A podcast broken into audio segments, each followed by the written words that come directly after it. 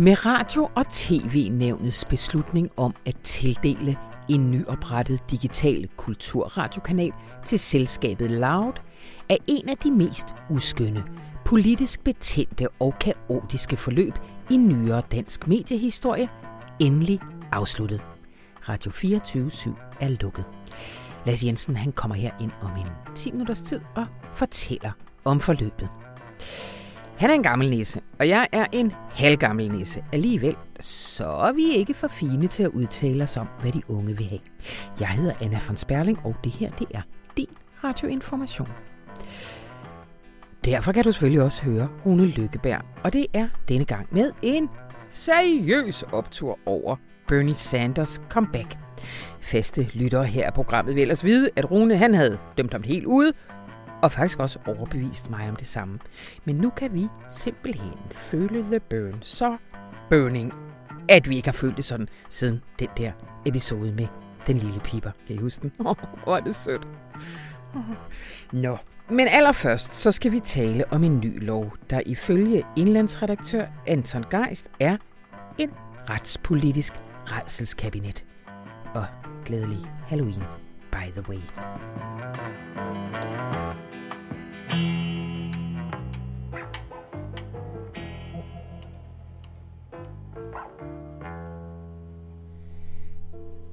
Torsdag blev det vedtaget, at udlænding- og integrationsministeren for fremtiden administrativt skal kunne fratage det danske statsborgerskab for personer, hvis de har udvist en handlemåde, som er til alvorlig skade for landets vitale interesser.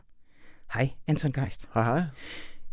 Landets vitale interesser. Og det må vi lige vende tilbage til. Kan ja. du ikke lige sige, hvad, hvad går lovforslaget ud på? Jo, altså øh, sagen er jo, at man øh, har gjort sådan nogle overvejelser øh, om, hvad man skal stille op med de fremmedkrigere med dansk statsborgerskab, som befinder sig i Syrien og Irak. Og der er jo faktisk nogle øh, stykker, og jeg synes, at der er alt mulig grund til at være bekymret over, øh, hvad de kan finde på, hvis de vender hjem kamptrænet og kampprøvet, øh, så ved man, at så er der større risiko for, at de kunne finde på at forøve terror på, ja. på dansk grund.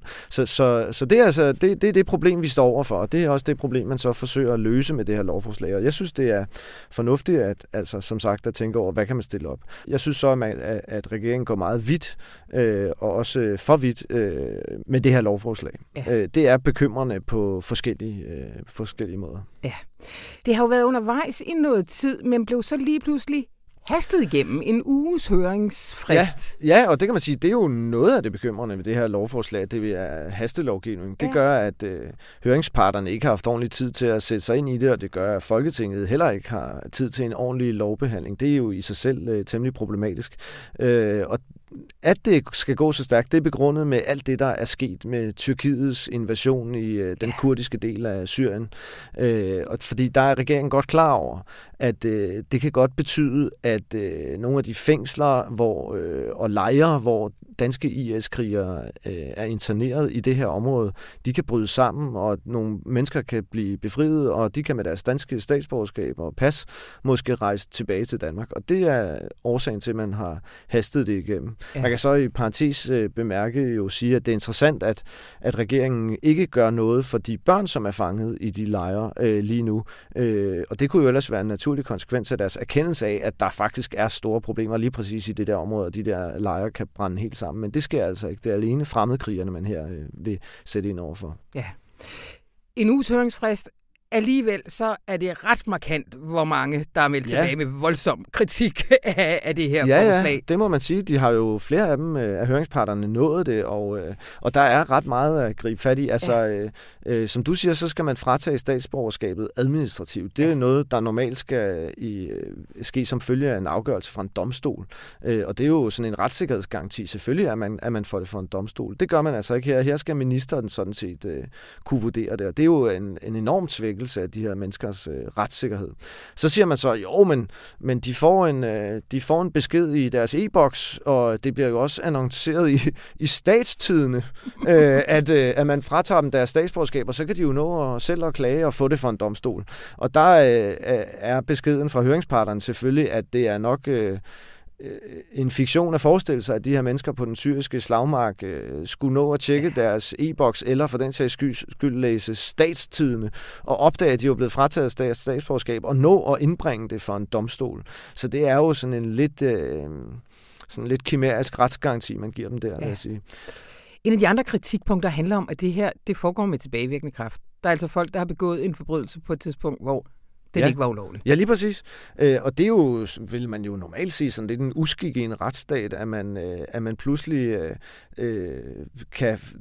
Man kan jo ikke sige, at man kriminaliserer det, fordi det er jo ikke, det er jo ikke en, objektiv forstand en straf at få frataget sit statsborgerskab, men det er jo et alvorligt indgreb i ens sådan rettigheder, øh, der sker. Ja. Og det kan altså pludselig ske på baggrund af noget, som tidligere ikke ville have kunne udløse, at man fik frataget sit statsborgerskab. Og det er jo åbenlyst problematisk. Og det skal så kobles med, at man også sådan indfører en meget lav øh, bevisstandard. Altså det er, det er noget uklart i lovforslaget, men til synligheden er det en meget lavere bevisstandard, end man har i straffesager for eksempel. Ikke? Mm. Og når man kobler de her ting, altså lav bevisstandard, øh, ikke mulighed for at få det indbragt for en domstol og tilbagevirkende kraft, ja. så ser det ikke så godt ud sådan retssikkerhedsmæssigt. Øh, og, og, og de erkender også selv, øh, Justitsministeriet ja. erkender selv, eller, eller det er så udlænding- og integrationsministeriet, men efter konsultation med Justitsministeriet, at der er det, man kalder en procesrisiko, og det er jo noget, mm. vi har vendet os til faktisk, at det er løber regeringer nogle gange, for det er begyndt under den tidligere regering, og det betyder, at man risikerer at tabe en sag ved den europæiske menneskerettighedsdomstol, fordi det kan være i strid med menneskerettighederne. Og desuden opererer de også med en, ifølge eksperter, øh, meget tvivlsom fortolkning af den konvention, der hedder statsløskonventionen. Ja. Så det er altså... Øh, i altså det, det hele det her med, at de siger, at det er ikke, at man bliver statsløs, for, hvis man får det frataget, ja. men at hvis man ikke har mulighed for at finde et andet statsborgerskab derude? Ja, altså sagen er, at som udgangspunkt vil man sige, at det her det er noget, man gør over for folk, som har et dobbelt statsborgerskab. Ja. Så kan man ja. fratage dem deres danske statsborgerskab, så gør man dem ikke statsløse. Og det øh, er jo sådan, at statsløsekonventionen skal forhindre, at man gør folk statsløse. Så derfor er det som udgangspunkt over for folk med dobbelt statsborgerskab. Men, siger de så, vi kan også godt øh, måske gøre det med nogen, som ikke har et andet statsborgerskab, hvis nu man kunne have en forventning om, at de sådan uden problemer kunne opnå et statsborgerskab ja. i et andet land. Og øh, det, øh, kan man sige, er for det første lidt øh, besynderligt at forestille sig, hvem det var, der skulle have lyst til at give de her mennesker et statsborgerskab, øh, når ja. de lige er blevet frataget ja. det for, den, øh, for at udgøre en fare mod statens sikkerhed i Danmark. Øh. Og desuden siger de førende eksperter, at det, som konventionen øh, forbyder, det er, at man altså fratager et statsborgerskab, og dermed gør folk statsløse, så, så er der ikke nogen sådan mulighed for at sige, jamen så kan de få et andet statsborgerskab. Det gælder det altså ikke kun palæstinenser fra Gaza. Nej, nej, det åbner men, konventionen ja. ikke for, at du ligesom kan sige, jamen det kan godt være, at de bliver statsløse i en kort periode, men så får de et andet statsborgerskab. Nej. Altså det er der ikke umiddelbart mulighed for i den her konvention. Ja. Så er der det her med landets vitale interesser, som ikke er særlig veldefineret. Hvad, hvad... Ja, præcis. Ikke? Øh, fordi der kan man sige, der er både, øh, det er både sådan, at du kunne blive frataget dit statsborgerskab, statsborgerskab, hvis du overtræder sådan, øh, de traditionelle sådan, terrorbestemmelser om statens sikkerhed og sådan. Og det er jo rimelig veldefineret. Men det er altså også bare øh, mere uklart statens vitale interesser og sikkerhed og sådan, og det er jo så samtidig op til en vurdering mm. fra i sidste instans jo integrationsministeren, og det bliver jo meget uklart. Hvad er rammerne egentlig så? Det ved man ikke rigtig ud fra det her lovforslag. Øh, og det påpeger høringsparterne stort set alle sammen. Ja. Lige her til sidst, Anton. du skriver i din, uh, i din leder i, det må være så tirsdagens avis. Ja. Ja. Uh, at i virkeligheden, så er det her sådan noget, S-regeringen bare elsker og har gået og ventet lidt på. Og at du spiller også en, uh, en rolle i S-regeringens orkestrering ja, af det, det her. Måske, det er måske at, det er mig, der lægger over, det til. Over, overdrive min egen betydning lidt, vil jeg, må jeg nok erkende. Men jo, altså, nej, det jeg mener, det er, at uh, altså, den socialdemokratiske regering er jo kommet til magten på at have hævet en hel del vælgere ind over midten i dansk politik, og særligt en hel del fra Dansk Folkeparti. Og øh, hvis man skal holde på de vælgere, så gælder det jo om at være rigtig hård på rets- og udlændingepolitikken. Ikke? Øh, og det her, det er både rets- og udlændingepolitik, så det er jo et pragtfuldt sted, øh, hvad hedder det, at være rigtig hård. Ja. Øh, og der kan man jo, if, if, hvis man anlægger sådan meget vælgeroptimeringsagtig logik, sige, så kan det næsten ikke blive hårdt nok, fordi du kan ved at føre en meget hård politik, så kan du beholde nogle vælgere, som måske ellers går tilbage over midten, og du kan måske endda tiltrække nogle flere. Og dem, du støder fra dig, de går jo ikke over midten igen. De Nej. kommer ikke til at stemme Dansk Folkeparti, eller Venstre, eller Konservative. De kommer til at stemme på de radikale, eller SF, Enhedslisten, osv. Ikke? Så, så, så, så det betyder ikke rigtig noget for blokken og den, for, den, øh, for den socialdemokratiske regeringsmagt. Og jeg tror egentlig også, det er sådan, at undervejs, når man laver sådan noget her, så vil sådan nogen som information jo skrive sådan en leder, ja. som jeg har skrevet. Ja. Øh, og juridiske eksperter vil sige, det er godt nok på kanten af konventionerne, måske også over. Øh, og alt det er helt fint, og måske endda gavnligt for du regeringen. Du tænker ikke, Mathias Tesfaye og tænker, det gør naller. Nej, det, det, må jeg, det må jeg jo desværre erkende, at jeg er blot en statist i uh, Mathias Tesfayes spil her. Ikke? Ja. Øh, altså, at det, det er nok meningen. Ja. At uh, det skal vi alle sammen brokke os over, fordi det vi brokker os over, det er, at regeringen er rigtig, rigtig, rigtig hård ved kriminelle udlændinge. Og det budskab, det vil regeringen det rigtig det. gerne have ud. Men de vil også gerne have deres finanslov hjem, ikke? Jo, altså, så der er, og også det er klart, støttepartier derude, det er klart, som... Det er ja, klart. Der er selvfølgelig en grænse et eller andet sted, ja. ikke? Og der må man vel sige, at regeringen blandt andet har det trumfkort, at den er så sindssygt ambitiøs, som den er på klimaområdet, ja. og også på sådan omfordelingspolitikken, at det bliver meget svært for et parti som enhedslisten for eksempel, at sige, fint, så, øh, så vælter vi regeringen. Ja. Fordi så vælter de også øh, verdens mest ambitiøse klimapolitik og en temmelig venstreorienteret omfordelingspolitik, og ja. vil de gøre det ikke? Det betyder nok i virkeligheden, at regeringen har fået et carte blanche til at gå rigtig, rigtig langt på øh, udlænding- og integrationsområdet, at den er så faktisk venstreorienteret på andre områder, tror jeg. Ja. Tusind tak, Anton Så tak.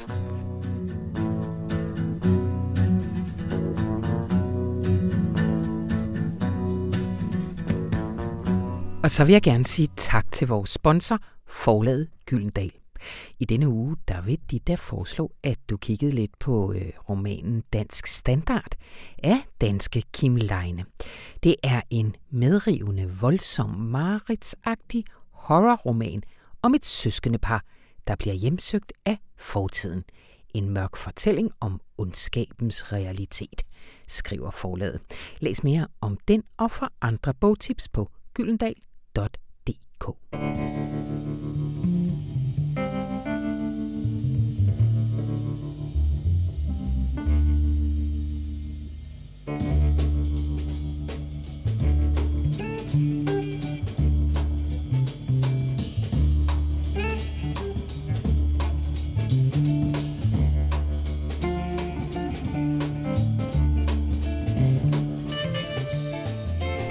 Lasse Jensen, velkommen til. Tak skal du have. Vi sad her for, ja, hvornår var det? Er det et lille års tid siden, da det ligesom stod klart? Hvornår, hvornår stod det klart, at 24-7 ikke fik et FM-bånd? Ja, det stod formelt klart i sommer, I men sommer. Øh, det stod ret klart, øh, da de valgte ikke at søge, ja. som ligger vel et års tid tilbage. Det er det. det, er det. Og nu er du her igen, fordi vi optager nu torsdag, men i tirsdags stod det klart, at det er den for mig øh, fuldstændig ukendte, og for mange af lytterne sikkert også, øh, Radio Loud, der får den her DAB-kanal, som vi var jo rigtig mange, der troede var fuldstændig skræddersyet til Radio 24 så det næsten var en formalitet. Hvad tænkte du? Jeg har sådan set hele tiden sagt, at det var aldeles ikke sikkert, at 24 fik den kanal. Det har du. Fordi man skal ikke tage fejl af, at det her handler ikke nødvendigvis om fortidens succeser eller talent. Det handler om, hvad står der i en ansøgning. Og man skal heller ikke tage fejl af, at det her er et kompliceret, detaljeret, byråkratisk streg, politisk forløb. Øh, det handler ikke om, hvem vi synes er bedst til at lave en god radiokanal. Det handler om, at man skal tilfredsstille nogle udbudskriterier, som er mange og detaljerede, øh, fra hvad man skal vurdere bare sådan et, et punkt som satire, mm. øh, og en hel masse delelementer af en radioflade, øh, som hver for sig skal bedømmes, og hver for sig skal ansøges om, om du vil. Ja. Så man kan sige, øh, da så beslutningen kom, øh, der havde jeg jo læst øh, om Radio Loud, og vidste, at ejerne af Radio Loud er fem selskaber, som tilsammen har, jeg tror, en 8-10 lokale radiostationer øh, vest for Storebælt. Mm. Det i sig selv er jo en stort plus i nutidens danske politik. øh, og så har de en række partnerskaber, som de kalder det, det vil sige samarbejdsaftaler, mere eller mindre formaliseret, med en række institutioner og virksomheder. Ja. Vega Musikstedet, Nationalmuseet, Mongo Park Teater, Ungdomsbyrået, Danske Studerendes Fællesråd, som alle sammen har givet tilsavn om og kommer med idéer om, øh, hvad for nogle programmer de kan lave. Vega kan lave programmer om Vega, og Mongo Park kan lave programmer om Mongo Park. Og Nationalmuseet har sjovt nok en serie, der handler om Rane Villerslev. Mm-hmm. Øh, det er der ikke noget som helst i udbudsbetingelserne, der forhindrer. Nej. Og øh, da jeg så læste ansøgningerne, og det er noget af et arbejde, og jeg vil ikke hæve, at jeg har læst dem alle sammen detaljeret, fordi Louds er på 367 sider, og 24 er på 201 eller andet sider. Ja. Men så gik det op for mig, at Radio Loud simpelthen helt slavisk har fulgt udbudsbetingelseskravene. Her taler vi ikke kvalitet, her taler vi ikke journalistisk vurdering, her taler vi formalia. Ja. De har simpelthen, så vidt jeg kan se, skrevet en formelt set mere, øh, hvad skal vi sige, korrekt ansøgning. Og 24-7, den er sådan set også udmærket. Problemet for mig, øh, det er, at en meget stor del af oplysningerne, som er tilflyttet offentligheden, er streget ud. Dem kan man ikke læse. Øh, hvorfor? Det er jeg ikke helt 100% sikker på, men jeg ved, at der i udbudsbetingelserne står, at du kan vælge at lave to versioner. En til vurdering mm. og en til offentliggørelse. Mm. Og det vil sige, hvis øh, 24-7-selskabet øh, har valgt, at her er for eksempel personfølsomme oplysninger, eller her er et tal om budgettet, som vi ikke vil have, at andre end nævnet skal kende, mm. så kan vi vælge, at det ikke. Der er for eksempel intet om detaljbudgetter, hvor Louds detaljbudgetter er et kæmpestort regnark, som fylder, ja. jeg ved ikke, hvor mange sider. Ja. Men lad os prøve at lige få mig til at forstå, hvordan vurderer man, hvordan giver man point for satire ud fra fuldstændig objektive kriterier, der intet har at gøre med at vurdere kvalitet? Hvordan, hvordan foregår det? Hvordan det foregår, det ved jeg ikke, men udbudsbetingelserne siger, så skal man give nogle karakterer fra 0 til 8, ja. hvor 0 er ikke forstået, og 8 er helt og totalt tilfredsstillende. Og så vurderer man, om det her er realistisk, øh, om det holder budgettet, osv. osv. Øh, og så foretager man en vurdering. Men, men blandt andet er det også kommet ud, at nævnet på ingen vis hverken lægger 24-7's tidligere erfaring med for eksempel satire. Det får hverken en negativ eller en positiv betydning for vurderingen. Nej, fordi det, du kan ikke, sådan som jeg har forstået ja. så skal du ikke på det felt, som for eksempel satire eller kulturprogrammer og hvad der nu ellers er af, jeg ved ikke hvor mange detaljerede ja. Øh, enheder, øh, så skal du samlet vurdere om 24-7 øh, og Loud har den nødvendige erfaring og ledelsesmæssige kvalitet til at kunne gennemføre det. Ja. Og øh, der kan man sige, der er Loud fået 6 point, og Radio 24 har fået 7 point. Ja. Og indholdet af de beskrevne programplaner, der har Loud fået 7 point, og Radio 24 har fået 6 point. Altså på de to vigtige overpunkter, der står de sådan set lige. Ja. Der står de lige. Ja. Så kommer det afgørende. Og det, der har afgjort øh, den her matematikkonkurrence, som nævnet har foretaget, det er, at budgettet, der har Radio 24 der som Jørgen Ramsgaard siger, er erfaringsramte, de har valgt, at der er en budgetramme på 280 millioner. Vi bruger alle pengene. Og det må de jo godt. Ja. Mens Radio Loud, de har sagt, at vi kan gøre det for, ja, det bliver jo så 80 millioner mindre, 20 millioner mindre om året. Og det vægter så også. Ja. Og, og det, der er spørgsmålet, det er jo, jeg kunne godt tænke mig at vide, hvad der, hvad der sker, når eller hvis Radio Loud efter et år eller to kommer og siger, at vi kommer til at budgettere forkert, vi har brug for 20 ja. millioner mere. Så er der jo en budgetramme. Den er jo afsat af finans, på finansloven. Får de så pengene? Det tror jeg. Ja. Men altså, jeg kan ikke, man kan ikke lade være med at tænke, at det her forløb virker så tosset, at der er nogen et eller andet sted, der har sovet i timen. Altså, Nå. er der ikke nogen, jamen 24-7 hvis, når nu alle siger, nu det er almindelig udbudspraksis, og dem, der byder under, det der et eller andet, ikke? Mm. byder lavest, de, de vinder eller sådan noget. Er der ikke nogen, der har fortalt 24-7? Ej, prøv lige at skrue lidt ned der. Ja, I skal nok få pengene. Altså...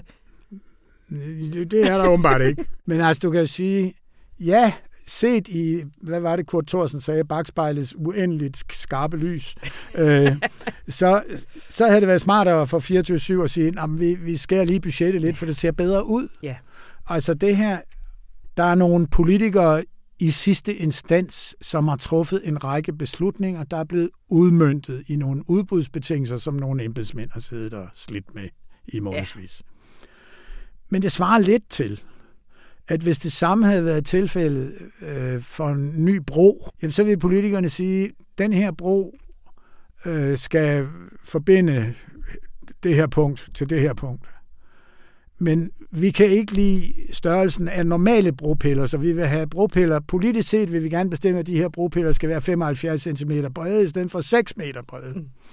Og så kommer ingeniørerne og siger, at så falder broen sammen, og så siger politikeren, det er lige meget, vi har truffet en politisk beslutning. Ja. Det er de der absurde ting, men ja. det er jo en absurd proces, vi nu her ser kulminationen af. Ja.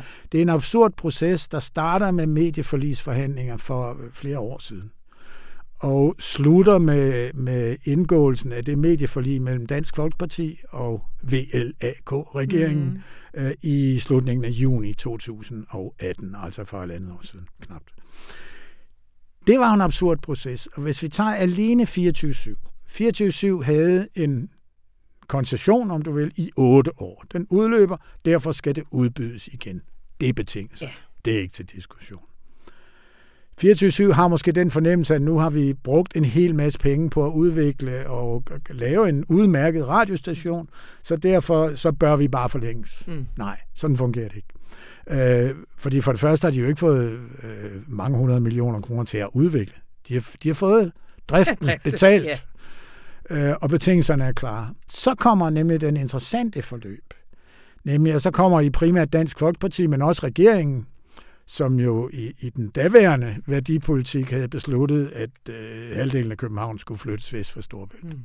Helst så kommer de ind og siger, at så skal 50 procent af den her FM-kanal, som 24 for tiden bestyrer, 50 procent skal ligge vest for Storbælt.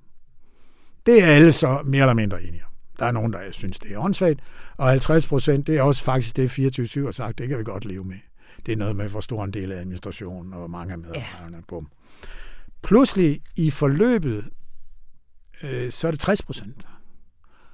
Og så lidt senere er det 70 procent.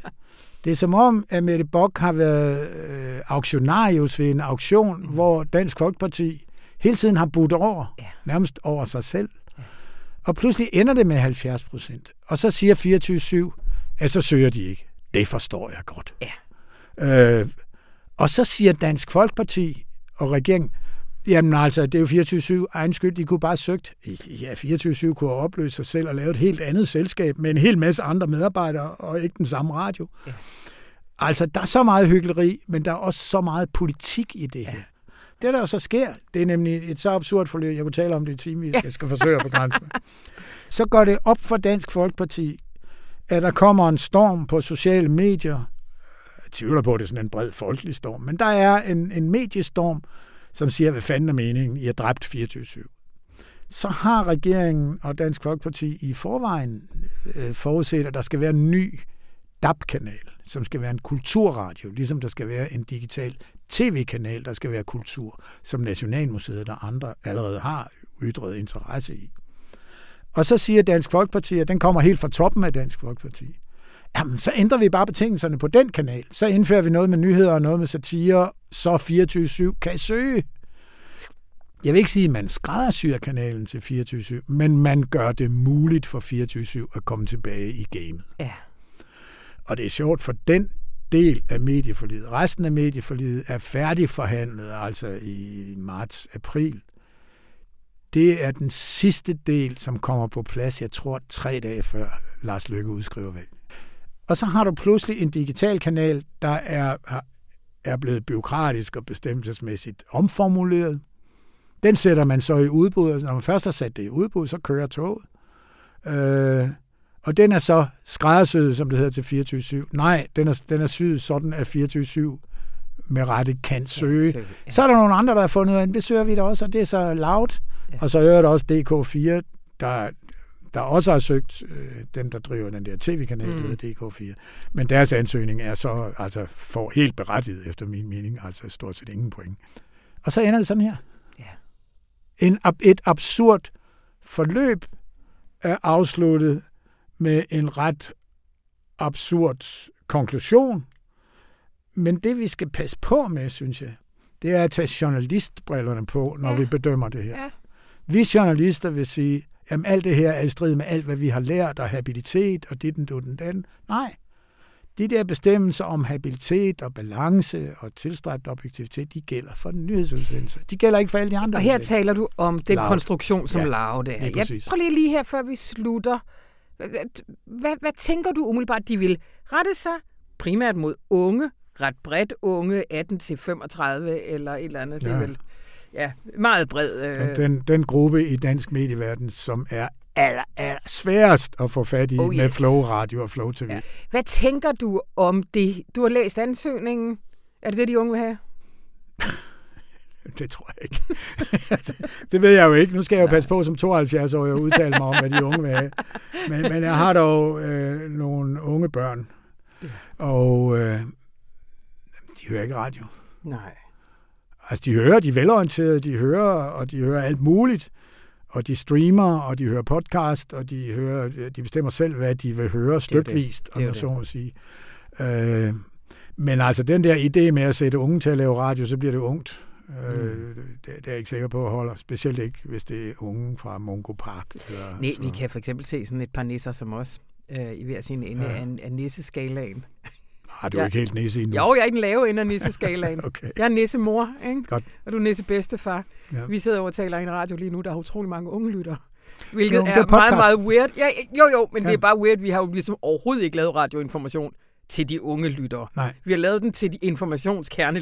Jamen, det og det. alt det er, det er jo lige ikke. præcis det. Jamen, det er der. Men du har fat, du har fat i, i en af nøglerne til forståelse af, hvad der sker på mediemarkedet, øh, i medieverdenen i øjeblikket.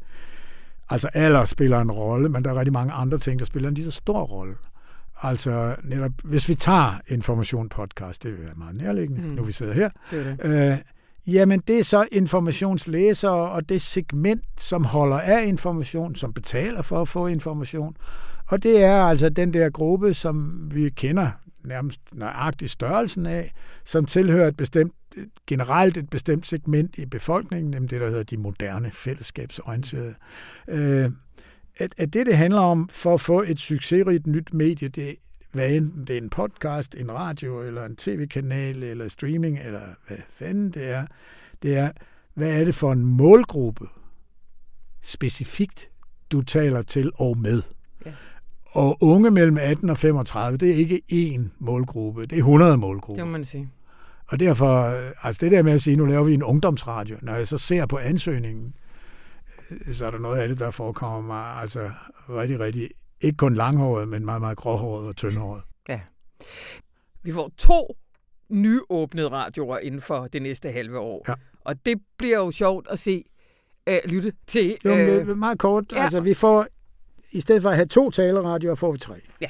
Det, der skete, da vi fik to taleradioer, det var da 24 startede, det var antallet af folk, der hørte taleradio steg.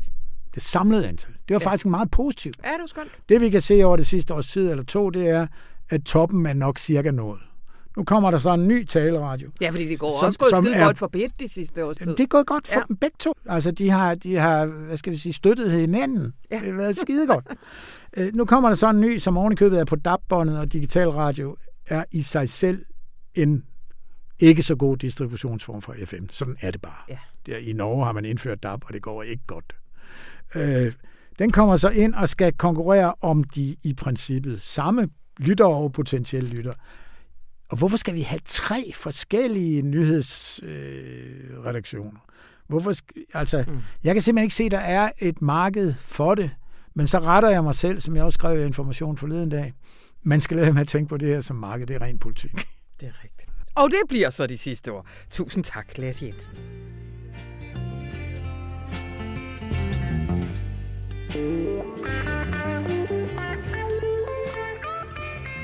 Oh, det gik da meget godt. Det er altid så hyggeligt at have Lasse i studiet. Han er sgu sådan en klog mand, og det er sådan dejligt at meningsudveksle lidt med en, som man er enig med.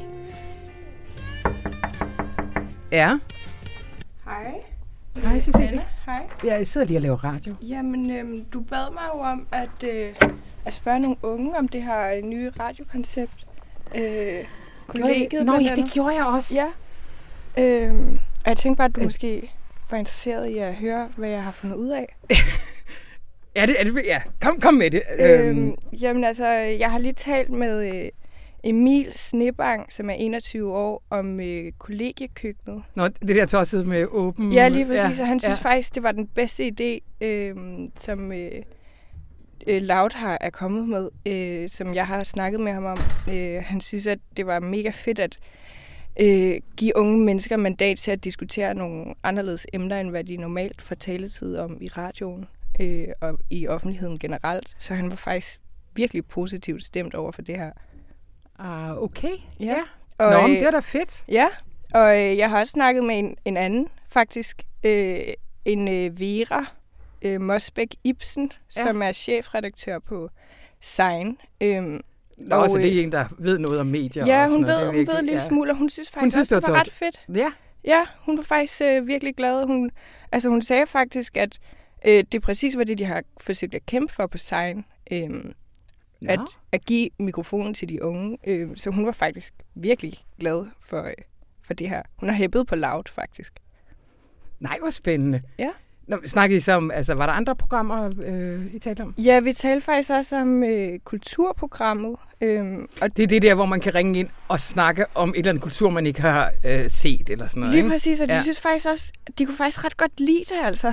Øhm, de synes, det var enormt spændende, at øh, man kunne få lov til at ringe ind som ung, og sådan øh, lidt uformelt få lov til at øh, give sin, sit besøg med, hvad man tænkte sådan, øh, i et lidt dagligdags sprog, hvor de måske følte sig lidt mere øh, inkluderet end sådan et lidt mere kulturelitært sprog. Så de var faktisk begge to ret glade for det her.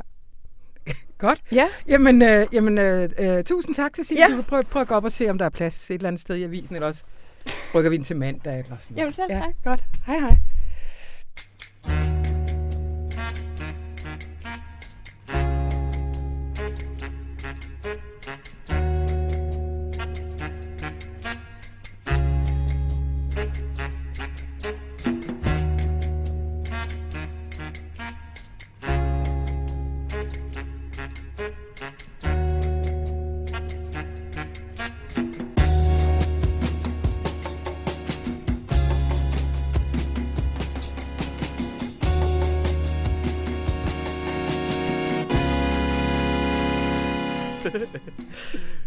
Hej Rune Lykkeberg. Hej Anna von Sperling. Ved du hvad, vi sprang jo øh, opturen over i sidste uge. Det ligner ingenting. Det ligner ingenting, fordi vi havde faktisk en, vi havde faktisk en, en optur, vi også kunne mærke i kroppen. Ja, det er rigtigt. Så nu får du bare lov til at give den dobbelt optursenergi denne uge. Vi har jo været bange for, at Bernie Sanders var ved at dø. Det kan vi godt sige nu. Bernie faldt i sit badeværelse tidligere på året. Bernie mistede stemmen under en debat, men det var så, hvad det var. Han mm-hmm. er Mhm. trods alt 75, 78. Men Bernie fik et heart attack, og der var faktisk en uge, hvor vi lod være med at have optur, fordi vi kan ikke have optur, når Bernie han har fået et heart attack. Det, der så viser sig, det er, at Bernies heart attack, det har renset ham fuldstændig, så nu er han on fire og vildere end nogensinde før. Det har rebootet ham. Det har rebootet ham. Altså, helt seriøst. Nu ligner Bernie en mand, der kan blive præsident. Vi holder med Warren, men Anna, Anna, Anna, vi vil aldrig gå til den gamle venstrefløjs fejl med, at vi hader dem, der er tættest på os. Vi ønsker det nej. bedste for Bernie. Vi elsker også Bernie. Ja. Bernie havde en fantastisk debat. Fantastisk debat i forrige uge. Ja. Det var sådan, det der feel the burn, som vi Mm, går og siger til mm, hinanden. Jeg mm. kunne føle Ja. the burn. Ja. Min søn kunne føle the burn. Hvad, hvad, hvad gjorde han? Hvad, hvad, kan, hvad gør han? Han var bare hver eneste gang, der ligesom var noget med, bliver vi ikke for radikale nu, og kan vi ikke det ene eller andet? Så Bernie, han var, nej, selvfølgelig bliver vi ikke for radikale nu. Skatter er den pris, man betaler for at være civiliseret. Vi vil have et civiliseret sundhedsvæsen. Selvfølgelig skal vi betale mere i skat for at få et civiliseret sundhedsvæsen. Og Joe Biden sagde, at jeg har udrettet utrolig meget. Ja, du har udrettet meget, sagde Bernie. Ja, du har da givet så mange penge til milliardærer, når du var med til at starte Irak-krigen. Ja, guderne skal vide, du har udrettet meget. Jeg ved slet ikke, om jeg kan nå at rydde det hele op igen, når jeg bliver, når jeg bliver præsident. Bernie har jo indtil nu, i valgkampen 2019, der har han virket som Larry Davids parodi på Bernie Sanders. Mm-hmm. Nu er han mere Bernie end nogensinde før. Og vi har jo kun været i gang med The Appetizer, fordi i lørdags, der skete der så det, der var det store Bernie is Back rally i Queens. Mm-hmm. Og ved det rally, op til det rally, der Ilhan Omar, som er en del af The Squad, og vi elsker også Ilhan Omar, hun endorsede ham. Rashida Tlaib, som også er en del af The Squad, mm-hmm. hun endorsede ham også. Og på dagen, lørdag, der kom Alexandria Ocasio-Cortez Yes. og holdt en fantastisk tale for alle de kampe, hun havde kæmpet, alle de nederlag, hun havde lidt. Den eneste, der havde vist vejen for hende, det var Bernie Sanders. Og Michael Moore fortalte, hvorfor han endorsede Bernie, og Bernie holdt en fantastisk tale. Jeg synes, du sprang hurtigt over Michael Moore der. Jamen, det var... Det var, for, det var fordi, vi er i gang i en optur. Michael Moore var frygtelig. Michael Moore var... Skal vi tage en parentes med Michael Moore? Ja, ja, Michael det. Moore, som har lavet vigtige dokumentarfilm og sådan noget, han var sådan Trump på venstrefløjen. Han begyndte at stå og råbe om, at Bernie førte i meningsmålingerne. Bernie fører ikke i meningsmålingerne. Og så begyndte han at finde sådan nogle målinger frem fra Iowa fra september, der viste, altså, det var sådan noget totalt Trump-agtigt. Tre vilkårlige fakta ud af 900, der modbeviser de 897 Men- andre, der viser, at Bernie er ved at vinde. Men det gør hans film altså også. Altså, de er gode, men... Jo, er men det fakta. jeg ja, da. ja, ja, ja, det, det er sandt, det er sandt. Men nej, jeg tror, Ja. ja. du har faktisk ret.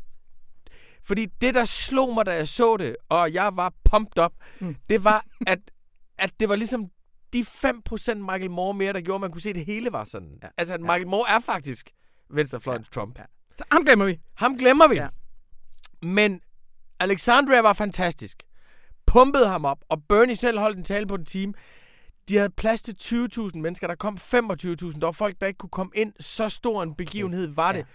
Samme dag kom det frem, at Bernie er den, der har rejst flest penge i det her kvartal. 30 mil- millioner dollars.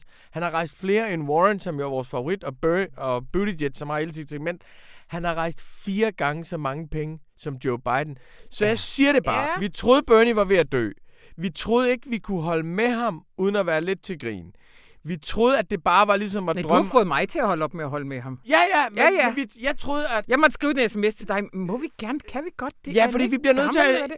Jamen, det, var, det har været et greatness, og vi bliver nødt til at sige, at det momentum, han skaber, det kan Warren jo ride videre på, når Ja. hun bliver præsident. Og Warren og ham er jo, er jo venner. Men vi troede, Bernie var, var død. Nu er han mere levende ja. end nogensinde før. Det vil jeg godt sige, som det er.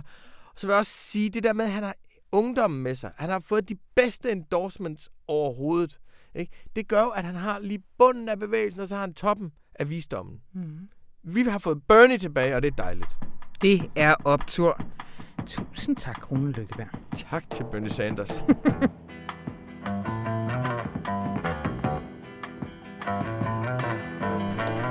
Og det var, hvad vi havde valgt fra denne uges aviser.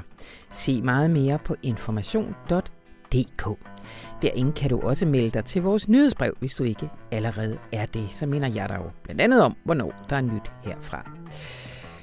Det her program, det var klippet af Astrid Dynesen, og så havde vi jo også en lille gæst undervejs.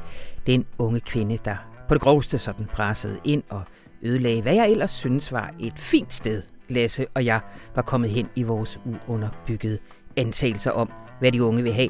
Det var vores fremragende kulturpraktikant Cecilie Ammann. Og mit navn, det er Anna Sperling, og det er også mig, der ønsker dig en rigtig, rigtig god weekend.